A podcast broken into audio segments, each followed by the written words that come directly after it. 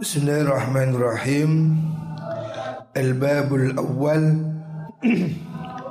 Fi fadilatil halal.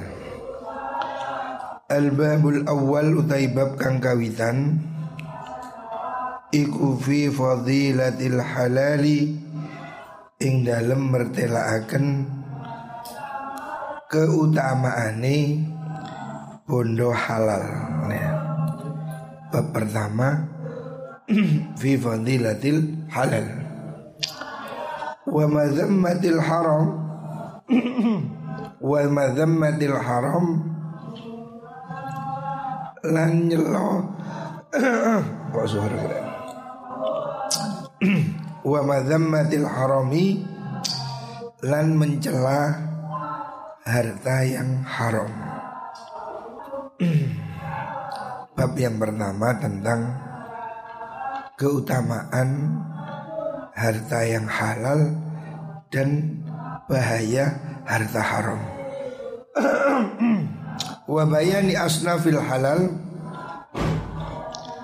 lan mertelaken biro-biro kelompok pantani dunya halal wa darajatihi lan biro-biro derajati al halal wa asnafil harami lan biro-biro pandane bondo haram wa darajatil warai lan biro-biro derajati wirai fihi ing dalam al haram Imam Ghazali menerangkan bab pertama tentang keutamaan harta yang halal. Fadilatul halal apa suara korek? Masya Allah Fadilatul halali keutamaan itu halal. Keutamaan harta yang halal. Masya Allah Oh kena iki apa ini Minyak kayu putih. Kok pedes? Wala daus dan Allah Ta'ala?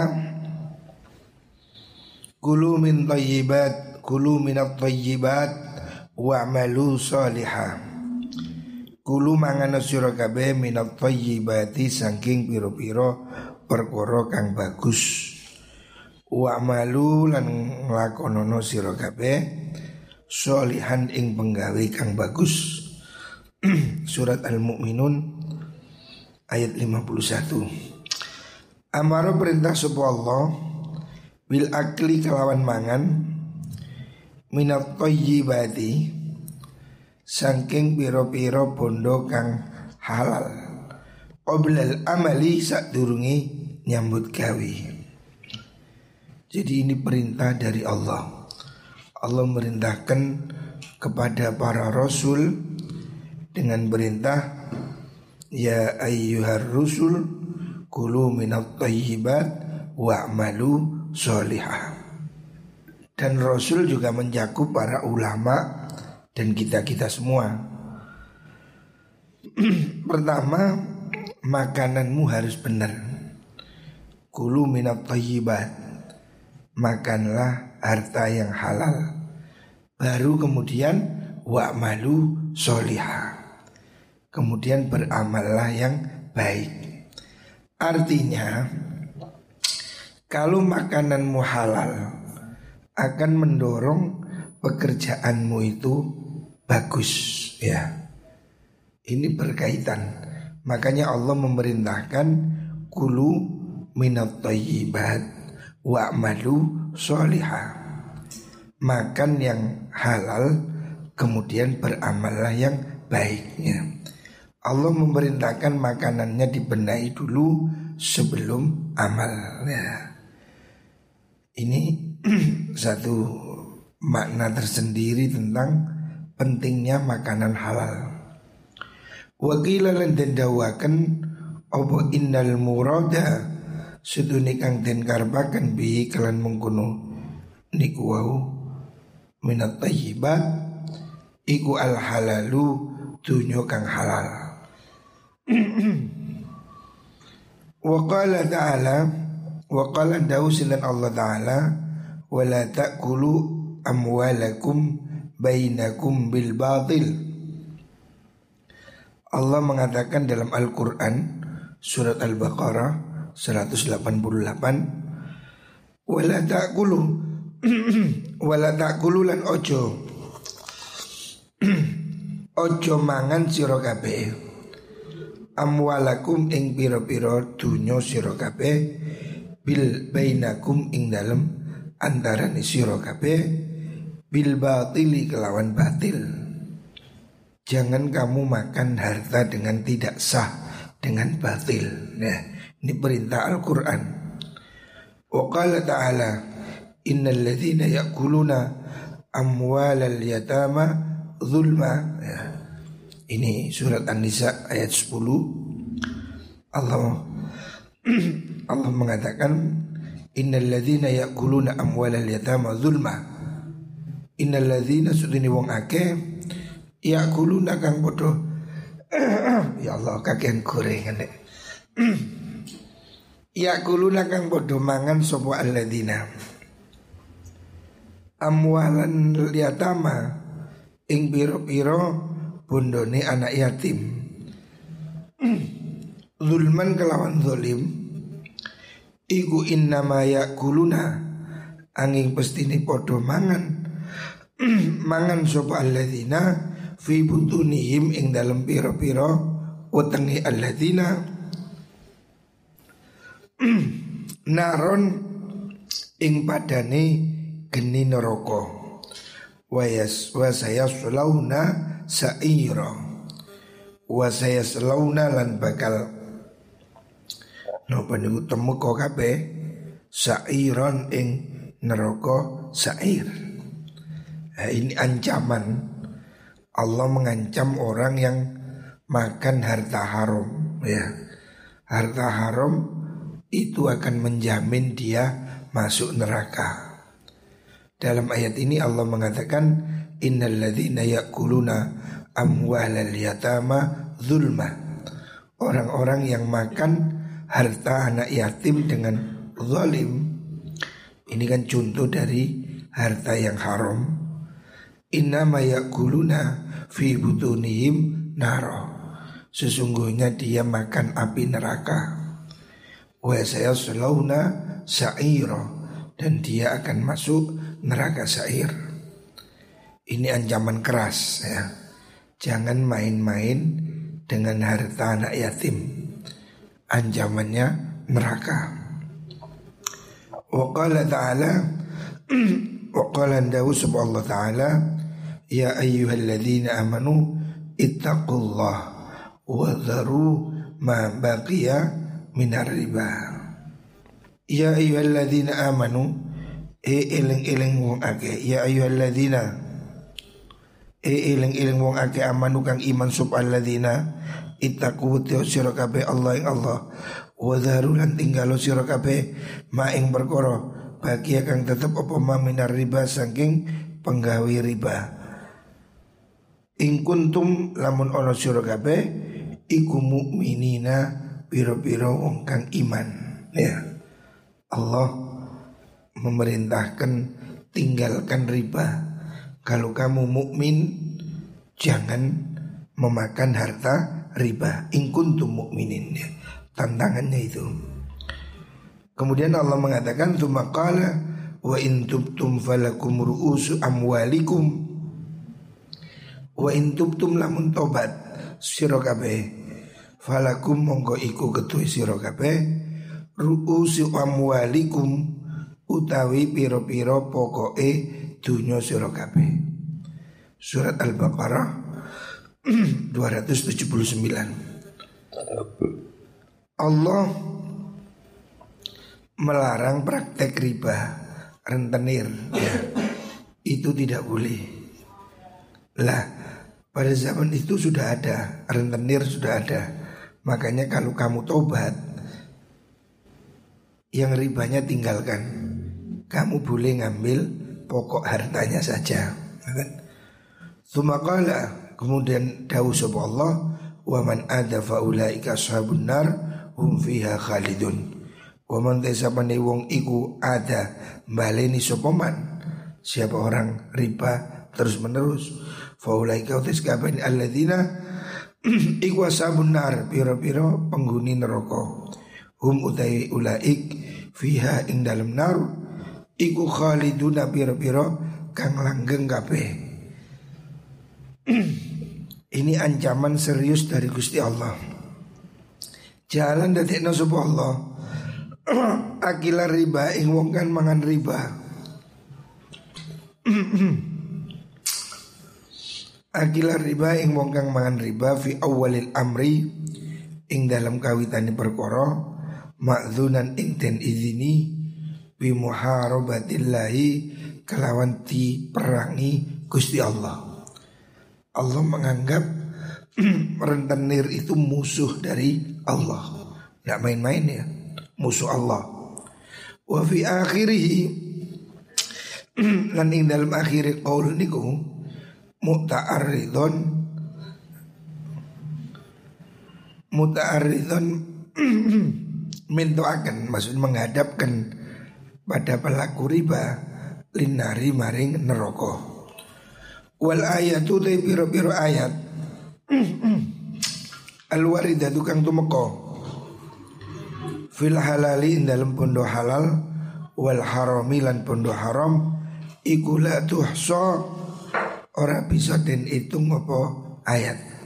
Banyak sekali ayat yang menerangkan tentang halal dan haram. Warawalan ngeriwayatakan Sopo Ibnu Mas'ud radhiyallahu an Anin Nabi saking Nabi Muhammad sallallahu alaihi wasallam. Annahu suwi Nabi ku kola dawu sopa Nabi Tolabul halal Utawi nyupri Nyupri bundo halal iku faridatun fardhu. Ala kulli muslimin ing atase saben-saben wong Islam. Mencari harta halal itu kewajiban semua orang Islam harus berusaha mencari harta halal bekerja yang halal ya. Itu wajib. Walamma qala semangsa dawuh Sop Rasulullah Sallallahu Alaihi Wasallam. Talabul ilmi Utawi nyupri ilmu Iku faridotun dan fardohakan Ala kulli muslimin Ingatasi saben-saben wong Islam. Qala dawu sebuah ba'dul ulama Arada ngarepaken Ngarepaken Allah bihi kelawan ilmu Tolaba ilmil halali ing nyupri ilmu halal. Wal harami lan haram. Wa ja'ala lan dadekno sapa ba'dul ulama al murada ingkang den karepaken bil haditsaini lan hadis loro wahidan ingkang siji. Maksudnya ada dua riwayat. Satu mengatakan tolabul halal faridatun mencari harta halal itu wajib satu hadis mengatakan tolabul ilmi faridotun. Cari ilmu itu wajib. Ulama mengatakan ini artinya sama. Yang dimaksud tolabul ilmi yaitu tolabu ilmil halal wal haram. Mencari ilmu fikih supaya ngerti halal dan haram itu wajib ya. Orang bekerja itu harus hati-hati orang mencari nafkah itu harus harus belajar. Tetapi belajar yang dimaksud halal dan haramnya. Banyak orang yang sudah ngawur tidak peduli kepepet atau malas membuat kerjaannya tidak garu-garuan mencuri menipu ya itu tidak boleh hati-hati. Allah menyuruh kamu makanlah harta yang halal. Kulu minat toyibat makanlah harta halal ya. Harta halal itu jelas. Yang jelas halal milikmu. Beli diberi ya. Bukan mencuri bukan menipu bukan korupsi ya. Halal itu jelas. Padang di hati ini padang. Kucing lo ngerti Kucing kalau dikasih ikan makannya tenang. Tapi kalau nyolong di mejo kan ketakutan. mencelat. Ya. Kucing aja tahu kalau mencuri itu haram, makanya dia ketakutan, delik-delik. Ya. Lah harta haram itu seperti itu. Kalau kamu delik-delik mengambil secara sembunyi, kalau ketahuan kamu takut, berarti itu haram. Ya. Haram itu sesuatu yang kalau kamu ketahuan orang, kamu takut. Nah, berarti kamu mengakui itu haram. Halal itu jelas diberi, meminta, beli jelas ya. Jadi kalau ada sesuatu kok di hatimu itu gerenjel, halal apa enggak? Arahnya tidak halal. Jadi kalau kamu mengambil dengan sembunyi-sembunyi, mengambil diam-diam berarti itu tidak halal. Karena halal itu kamu tidak takut, memang halal kok. Saya minum ini, oh ya terang-terangan ah, ini halal. Saya tahu dari mana ya. Tapi kalau orang diem-diem, sembunyi-sembunyi, berarti itu tidak halal. Ya. Ukurannya jelas ya. Manusia ini oleh Allah diberi hati nurani, diberi akal dia bisa bedakan. Secara naluri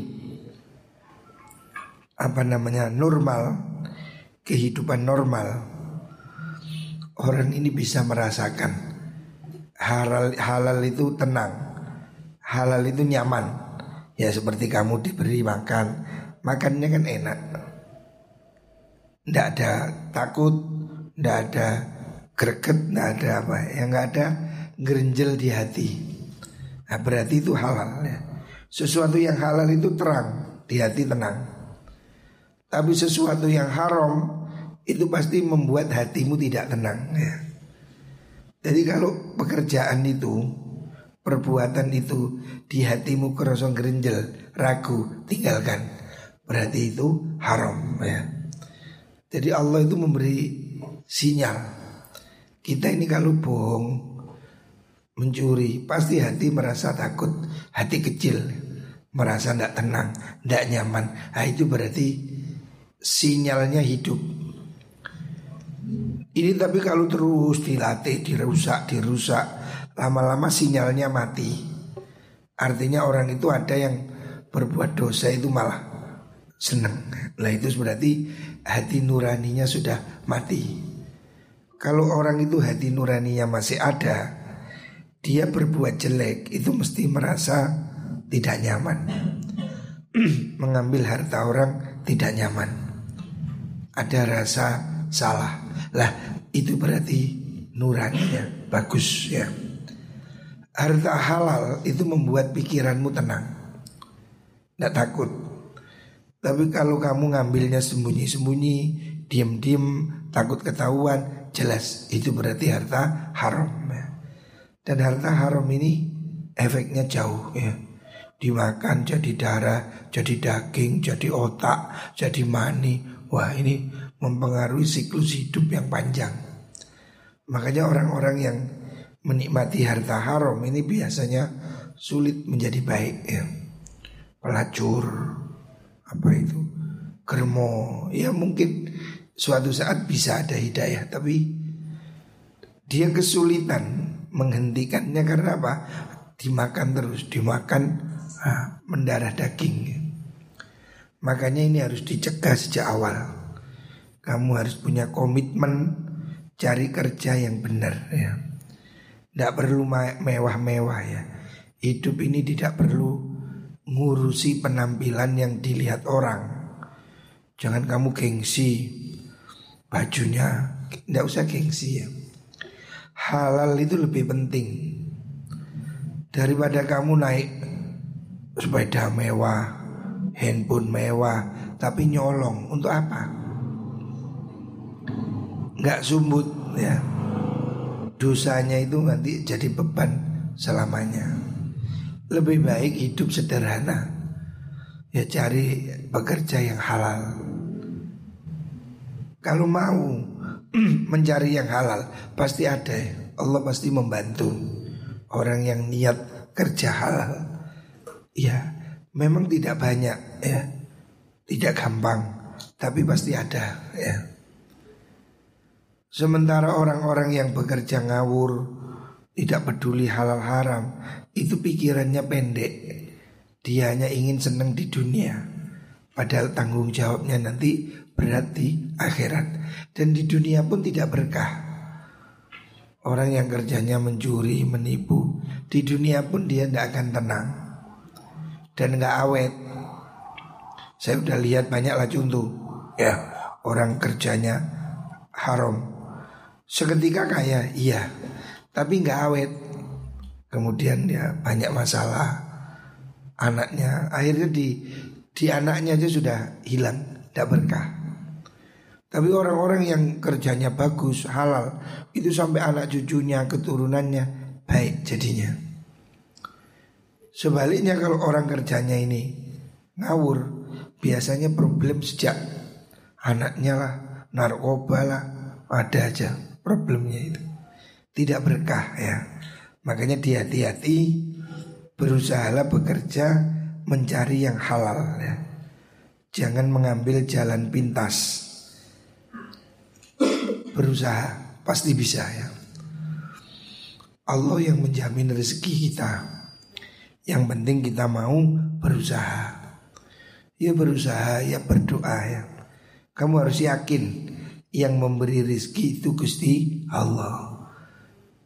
Bekerja ini cuma jalannya ya Jalannya rezeki Sumbernya ya doa itu Aslinya ya doanya itu Sumbernya itu doa Kalau Allah sudah sumbernya dibuka Jalannya lancar Walaupun jalannya lancar Kalau sumbernya tidak ada Juga iso deh Banyak kan orang kerja udah susah payah Ada orang kerja wis banting tulang Tapi memang rezeki ini titik dapatnya sedikit. Kalau istilah ayah saya, rezeki itu oleh Allah diberi takaran. Umpamanya kamu ini rezekinya sak botol. Disirami sak gentong, ya kutah karek sak botol. Lah, gimana caranya? Minta pada Allah, muka-muka rezeki ini yo gak sak botol, sak belumbang. Nah, isinya banyak. Eh. Makanya doa ini penting Sumbernya itu dari situ Kalau kamu doa Sungguh-sungguh Allah kemudian buka jalan. Orang kuali banyak ngurus jalannya. Nyambut kai teori. Tapi tidak tahu bahwa jalan ini kan cuma penyaluran. Yang penting kan sumbernya. Lah sumbernya dari mana? Dari Gusti Allah. Rezeki itu dari Allah bukan dari manusia ya. Yakini bahwa rezeki itu dari Allah pasti ya. Makanya saya menganjurkan ya. Kamu harus punya kesadaran ini. Wiritan-wiritan doa, solawat, solawat naria, surat waqiah dan seterusnya. Itu kamu harus lakukan. Itu buka sumbernya. Kalau Allah sudah buka sumbernya, jalannya ketemu rek. Tidak bisa disumpet, tidak sumbernya milih.